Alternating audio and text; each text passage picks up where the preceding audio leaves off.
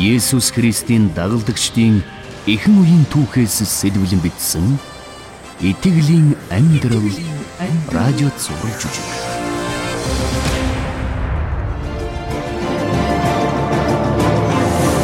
Тав дугаар анги. Тав дугаар анги. Петр Йохан нар шорон.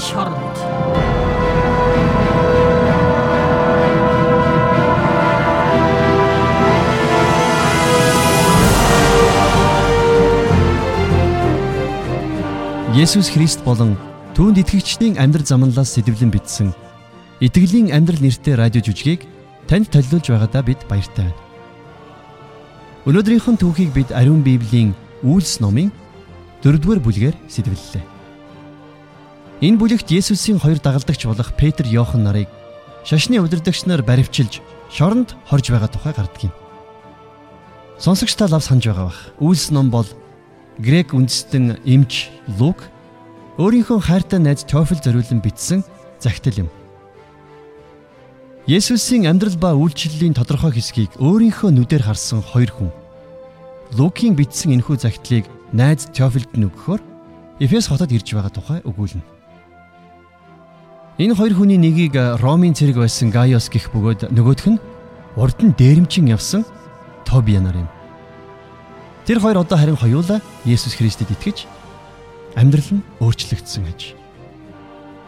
За ингээд итгэлийн түүхийн эхэнд Гaius-ийн юу гэж ярихыг сонсцгоё.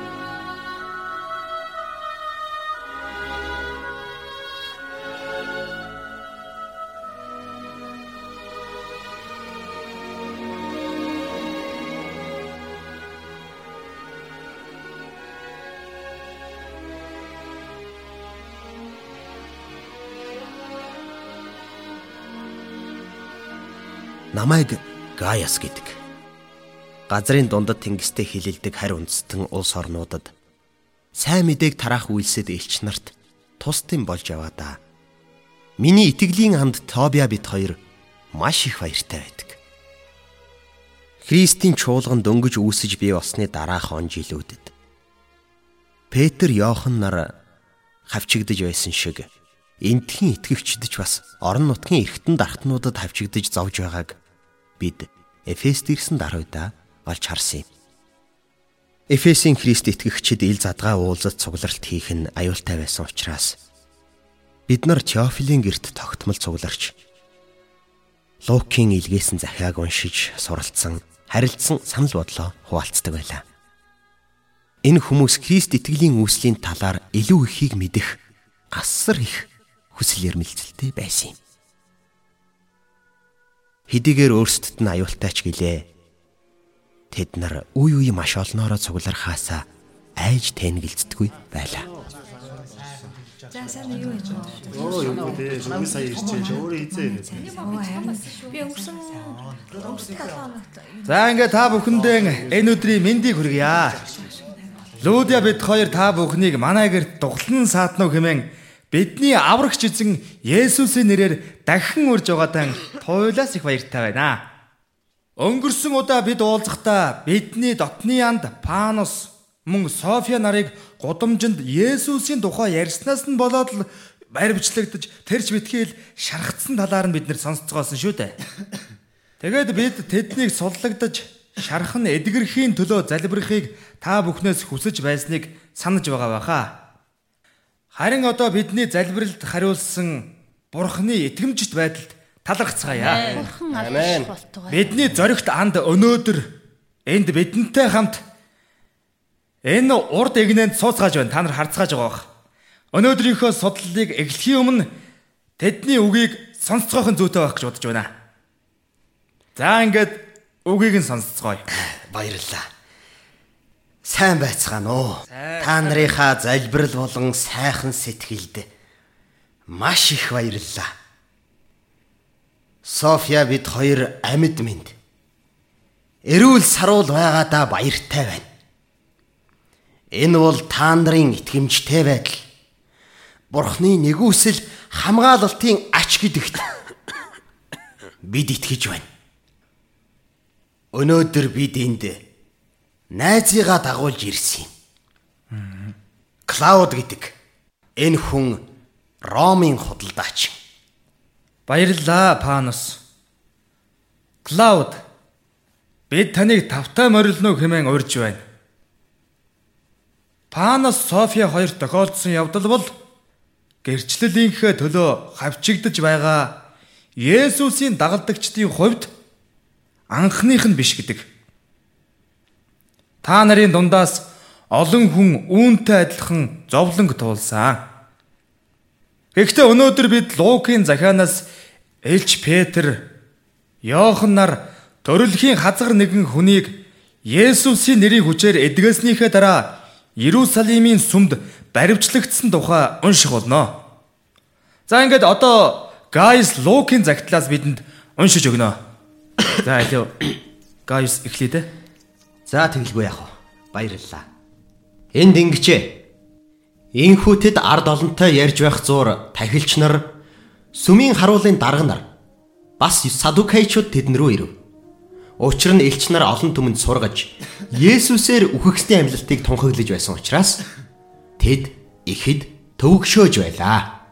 Южээчүүдийн садукай бүлгийнхэн үхлийн дараа амьлалт хийгээд ам байхгүй гэж сургадаг байжээ.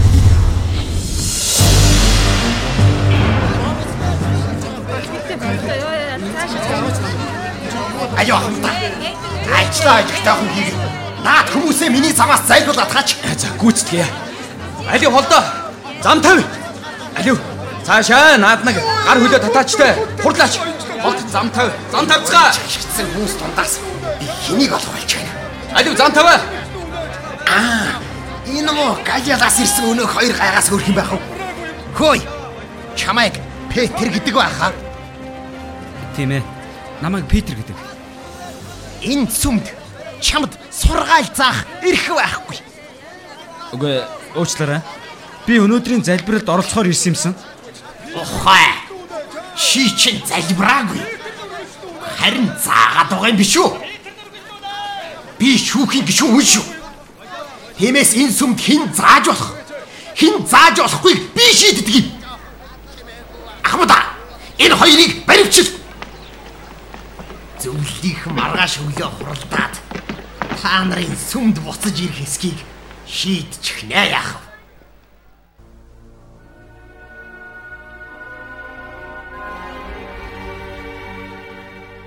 Хэдийнэ орой болсон байсан болохоор тэднийг өглөө болтол шоронд хорижээ. Гэвч Петрийн мэдээг сонссон. Төрөлхийн хазгар хүн идгэрхийг харсан. Олон хүн итгэсэн төдийгүй тэдний тоо 5000-д хүрчээ. Дараачих нь өдөр тэргүүн тахилж Каяфаар ахлуулсан захирагч, ахлагч, хуулийн багш нар нийлсэн 70 гаруй хүн цуглаж Петр Йохан хоёрыг байцаалаа.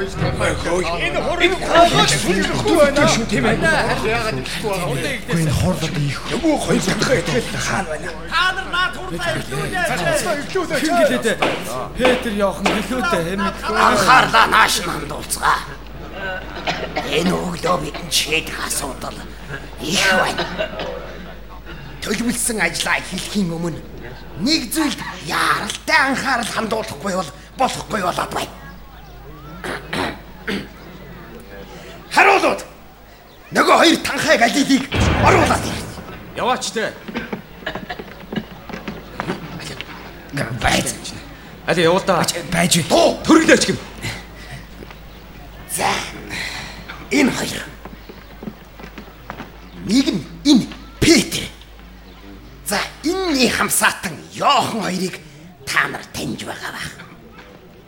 Энэ хоёр цовдлогдож өгсөн Назарын Есүсийн дагалдагчд. Тэд сүмд Есүсийн тухай яриха ерөөсөө болж өгөхгүй байгаа юм. Сүмийн хаалганы дэргэд олон жил гуйлга гуйсан төрөлхийн хазгар хүн өнөөдөр тэнд харагдахгүй байгааг та нарын зарим нь анзаарсан байх л да. Тэрнийг энэ хоёр идгээсэн гинэ. Энэ цуурхал хот даяар тархаад байна. Тимээс нөхдөө хүмүүсийг ийм хуурамч сургаалд автахаас өмнө бид энэ цуурхлыг яаралтай таслан зогсоох хэрэгтэй байна. Энэ зуурах нь биш ээ. Хал биш гэнэ үү? Үнэхээр болсон юм. Үнэхээр итгэрсэн юм боо. Үгүй чи хий юм. Чамайг хэн дуудсан юм аа? Би тэр төрөлхийн хазгар хүн ч нэ байна. гэж алхуулад байна. Харин одоо явдаг болсныг минь та бэлэхнээ харж байна шүү дээ. Эрхмээ. Намайг танаас тусламж ирэх бүр та надаас харцаа буруулдаг байсан болохоор намайг танихгүй байх чинь харахгүй л дээ. Чимээгүй байцгаа. Чимээгүй байцгаа. За тэгэхээр чи тэр хазгарах уу? Тэгээд одоо явдаг болсон юм биз дээ. Тэгвэл чи Петр чамайг яаж идгээсэн тухай нэг хэлээд. Бололгүй яах вэ? Тийм бивэ. Тэр миний гараас бариад босоод явах түн гэж тушаасан. Би одоо 40 настай. Гэвч өчигдрийг хүртэл нэг ч удаа алхаж үзээгүй юм да. За яах вэ? Тэгвэл Петр чи ямар хүч? Ямар нэрээр үүнийг үйлдснэ? Бидэнд хэлээч. Хэл. Ахлагчтай. Ахлагчд болон ард түмний захирагчтай. Та нар биднийг энэ тахир дутуу хүнд сайн үйлс хийсний төлөө байцааж байна уу? Эсвэл энэ хүн яаж эдгэрснийг мэдхийг хүсээд байцааж байна уу? Би чамаас асууж байна. Мэдв. Тэгэхээр би чамаас хариулт хүлээж байна гэсэн үг. Ойлгооч. Тэгвэл та нарын цовдлсон үхэгсдээс бурхны амьлуулсан Назарын Есүс Христийн нэрээр тийм ээ. Энэ л нэрээр энэ хүн та нарын өмнө цоо эрүүл болцгоо зогсож байгааг та бүхэн бас бүх Израиль түмэн мэдтүгэй. Аа мэдээч Есүс гэдгэн ш. Есүс бол барилгачд болох та нарт гологдсон боловч булангийн тулгуур чулуу болсон юм аа. Өөр хинээч дотор аврал үгүй юм. Учир нь бид аврагдаж болох өөр нэр Тэнгэрийн доор хүмүүст өгөгдөөгүй. Харуул. Харуул. Муу Петр Йохан хоёрыг шоронд руу цагаад аваад яв. Хурлаач. Хурлаач те. Яваач те. Хари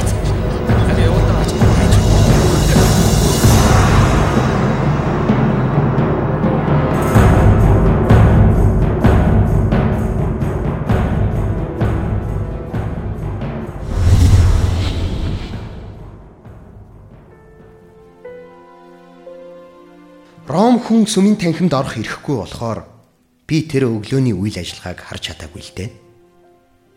Харин миний найз Тобиа тийшээ орсон болохоор үдсэн харсан зүйлсээ та бүхэнтэй хуваалцах байх. За Тобиа. Чи ярина уу да? За тэгье. Есүс намайг олж миний амьдрал хувь тавиланг өөрчлөх үед би дөнгөж 16 настай байсан юм. Есүстэй уулзахаасаа өмнө Иерусалимд ирж байгаагүй болохоор их хотын амьдрал шүүх захиргааны талаар надад ямар ч ойлголт байгаагүй л дээ. Гэхдээ би буруу зөвийг ялгахтайгаа байсан. Тэр өглөө шүүх хурал дээр болж байгаа зүйл нэг л шудраг биш байна гэдгийг яагаад ч юм би сайн ойлгож байсан. Та нар бодолдоо төрөлхийн хазгар байж байгаад явдаг болсон хүн. Өөрийнх нь өмнө зогсож байгааг харсаар атлаа. Өөрсдийнхөө байр суурийг хамгаалах гэж энэхүү хөдлөшгүй нотлохог үл тоомсорлож өөрсдийнхөөр нь зүтгэж байгаа дураараа чалчиж байгаа шудраг биш хүмүүсийг би харсаа.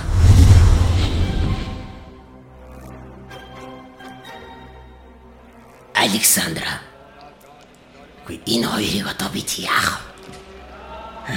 Харин тэд өөрсдийн сургаал гайхамшгуудаараа энэ хотыг бүхэлд нь үүмүүлж байна. Хэлээд үгүй. Эрхэн гаяв. Энэ хүмүүс өөрсдийн цовдлогдсон өдөрдөгчийн адил таны эрх мэдэл нэр төрд занал учруулж байна. Хэлээд үгүй. За та нарыг дээ. Тэгэхээр яасан дээр гэж бодож байна. Саул. Бид э, ерөөсөө тэдний өдөрдөгчийг барьж яваад хотын ханы цаана аваачиж чулуугаар шидэж алгах хэрэгтэй.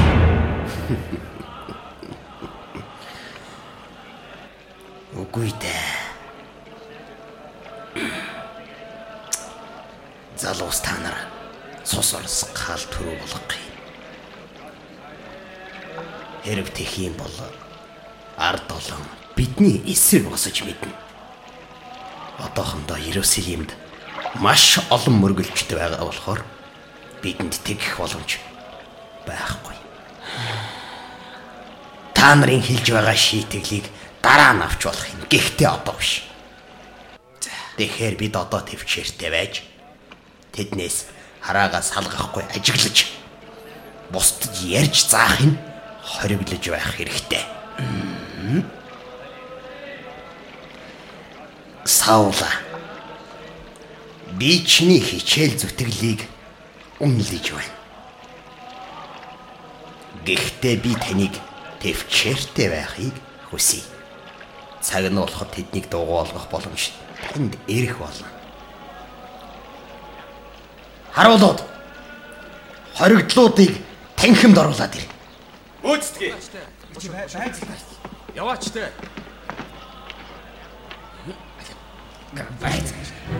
Тэгэхээр Петрэ энэ удаа бид чамайг өршөөхөөр шийдлээ. Бид та нарыг тавьж явуулахар болсон. Харин дахиж Есүсийн нэрээр огт ярихгүй байхыг анхааруулж байна. Би дахиад чамд хатуу анхааруулж байна. Есүсийн нэрээр ярьж болохгүй шүү. Есүст тохиолдсон явдлыг өөртөө л хадгалж яв. Мэдвүү? Бурхан биднийг өөрийнхөөс нь илүү та нарын үгийг дагаасаа гэж хүсэж байна гэж та бодож байна уу? Бид өөрсдийн үзсэн, сонссон гайхамшигтай зүйлсийг ярихаа зогсоож чадахгүй. Хаас. Та нар та нар тэргүүн тахилчтай яаж харьцаж байгаа ч нэ нү? Та нар дахиж Есүсийн тухай хэрвээ ярих юм бол би та нарыг барьж аваачаад үхтэлчин занчаад өмдөг сөгдөг өршөөл бүхийг чинь харах болно. Одоо одоо бидний нүднээс далд ороод Улаач те. Далд ороод үз. Яваач те. Далд ор. Али яваа гэж байж байна.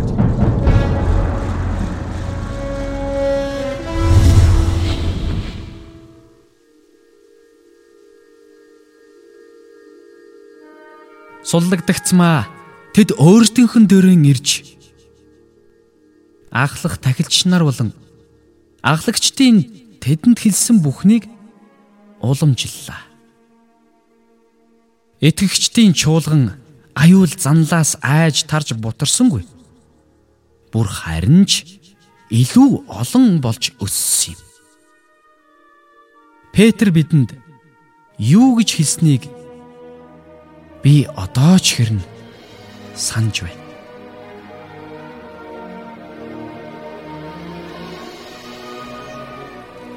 За тэгэхээр ахлах тахилч нар болон захирагчдын аюул занлыг бид тоомсорлохгүй байж болохгүй. Гисэн ч гэсэн бид ажлаа үргэлжлүүлэх ёстой. Тэд нар Есүсийг цугласнаас хойш ердөө 3 сар болж байна. Тэгэхээр хэрвээ Есүсийг алжихвал бидний дунд байж чадахгүй. Бидэнд нөлөөлж чадхаасаа өнгөрнө гэж тэд итгэж байсан нь мэдээч. Тэрний хаанчлал энэ дэлхийнх биш. Харин бидний зүрх сэтгэлд оршдгоо гэдгийг тэд нар тэр үед ч ойлгоогүй, одоо ч ойлгоогүй хэвээрээ байна. Тэдний уур хилэн өөрсдийнх нь гим нүглийг улам их болгож байгааг бид бодолцох хэрэгтэй. Бид Есүсийн хүч бас тэдний сул дорой байдлын амьд баталгаа учраас тэд биднээс салахыг хүсэж байгаа. Хоошд ч гэсэн тэд нар тэрний сайн мэдээг таслан зогсоохыг хичээх болно гэдгийг та нар ямагт сайн санаж явах хэрэгтэй. зоригтой бай. Есүс амьд байгаа. Бурхны ариун сүнс бидний дотор оршин байгаа.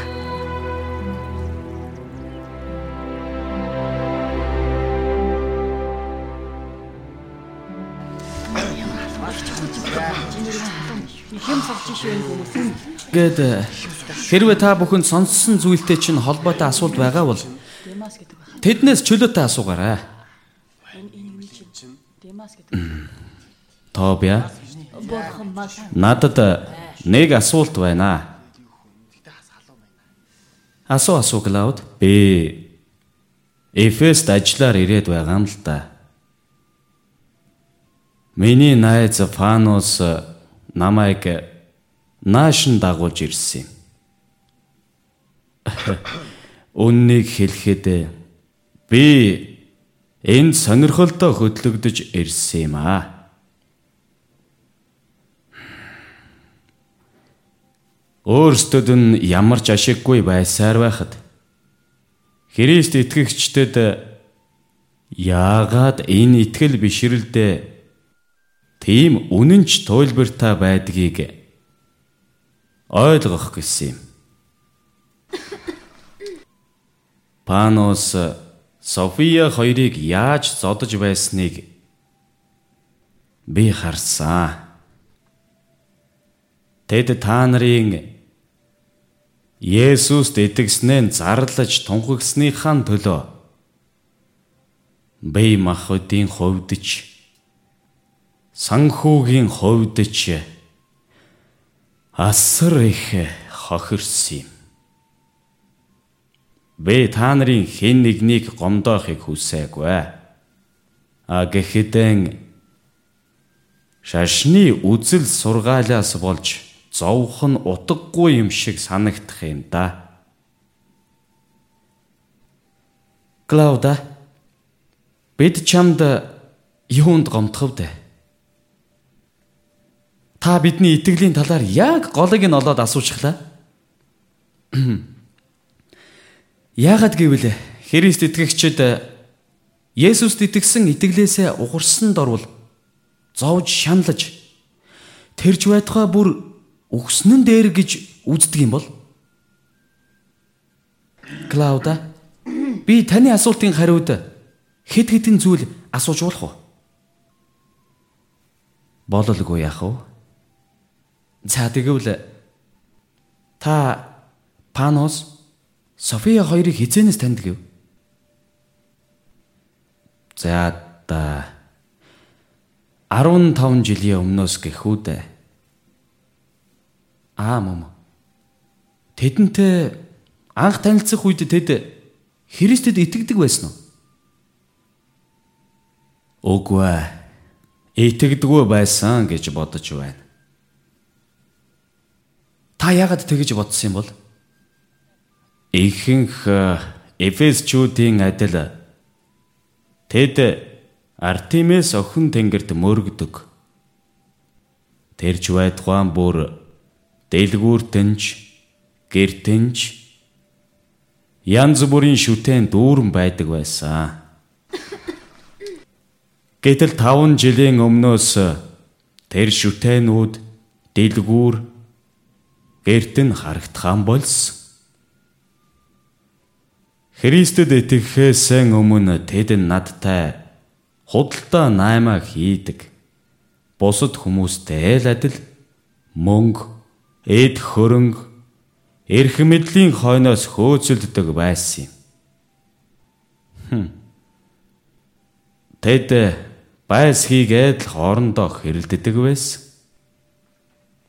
Тэгээд тэр байдал нь өөрчлөгдсөн үү? Огт өөр болсон. Тэд яг л шин хүн шиг болсон. Өмнө нь Фанос надтай шудраг харьцдаг байсан л да.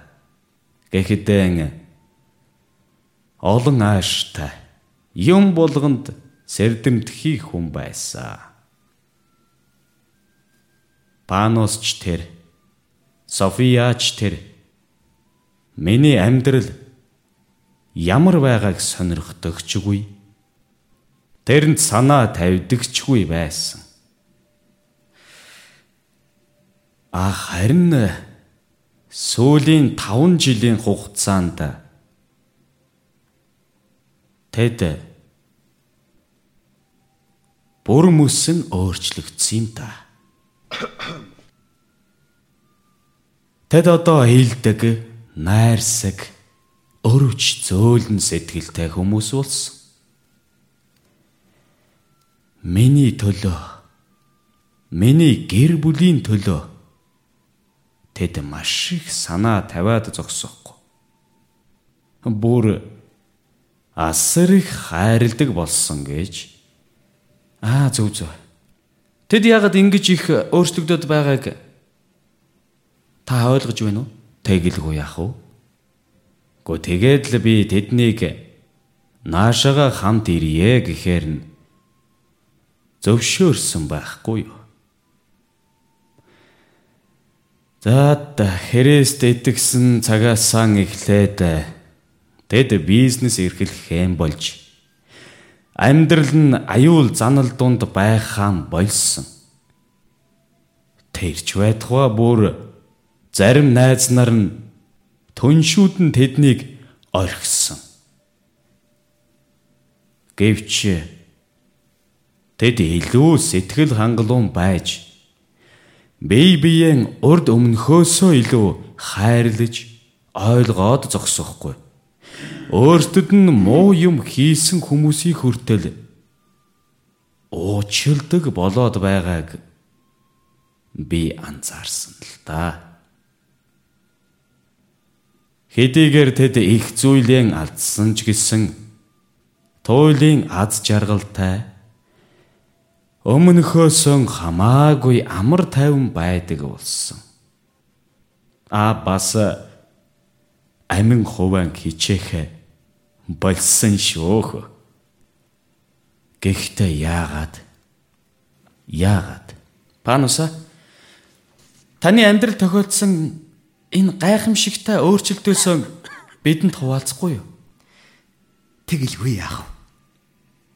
Дортай яа найз Клауди маань асуултын хариулт ердөө л Есүс. Теофилос Есүсийн тухай сонсохоос өмнө би гэж хүн мөнгө хөрөнгө эрх мэдэл тав тухын хойноос хөөцөлдсөн бусдаар л хүлээн зөвшөөрөгдгийг чухалд үздэг амьдралын тодорхой зориггүй амин хувиа хичээсэн хүн байсан. Энэ бүх зүйлд бидний амьдрал боолчлогдсон байсан. Харин одоо София бит хоёрын амьдрал энэ материаллык дэлхийн боолчлолоос чөлөөлөгдөж эзэн Есүс Христэд үйлчилж байгаадаа сэтгэл хангалуун баяр хөөртэй амар тайвнаар дүүрэн байна. Гайхалтай юм аа. Та нарын яриад байгаа тэр амар тайван амьдралаас ч харагддаг аа. Би ч бас тэрэнд татагддаг шүү. Гэхдээ Христ итгэгчид үүнээс сайн болж хавчлаг дарамтад ордгүй шүү дээ. Та нар Цэзар мөн бусад уламжлалт бурхтад мөрөхөөс татгалздаг.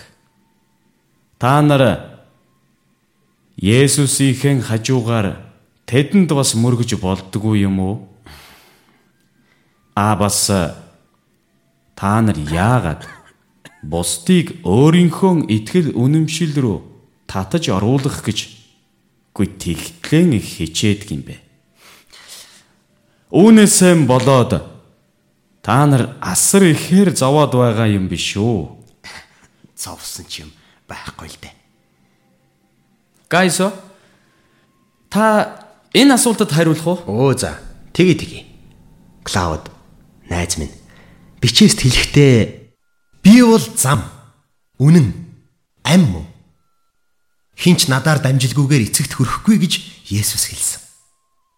Түүнчлэн гим нүглийг уучлах эрх мэдэл зөвхөн өөрт нь байгаа гэдгийг ч тэр хэлсэн. Түүнийг айж баталсан. Түүнийг энэ дэлхийн гим нүгэлтнүүдийн төлөөх тахил болон миний нүглийн улмаас гим зөнгөө хурах адил хөхийг би харсан.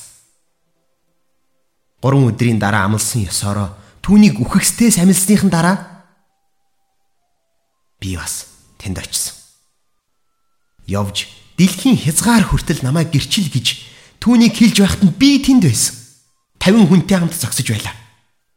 Тэгэд биднийг харж байхад тэр дээш өргөгдөж эцэг рүүгээ буцсан юм. Клауда бидний сүнсийг мөнхөд өөртөөгөө хамт байлгахын тулд бидэнд тэнгэрт байр бэлтгэхээр явсан амьд бурханд бид мөрөгдөг. Би Ромын цэрэг байсан. Би Цэзарын төлөө тулалдаж явсан.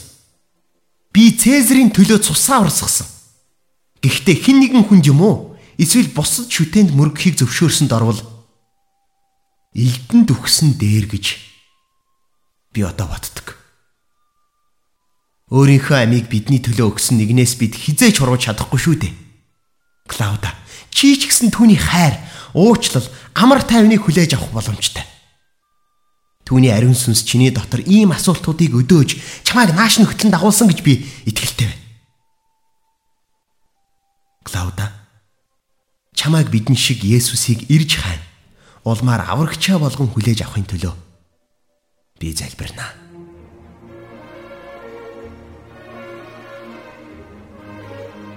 Харин хоёр өдрийн дараа Клауд Теофлийн герт дахин ирж Есүсийг аврагч эзнээ болгон хүлээн авахар залбирсан юм.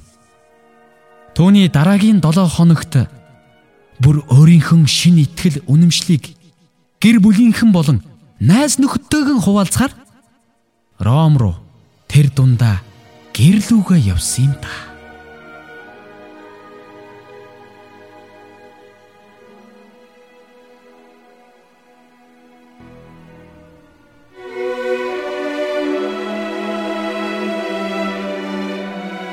Есүсийн элчнэр болон анхны Христэд чуулганы итгэгчид маш хатуу дарамт хавчлагыг туулж байсан.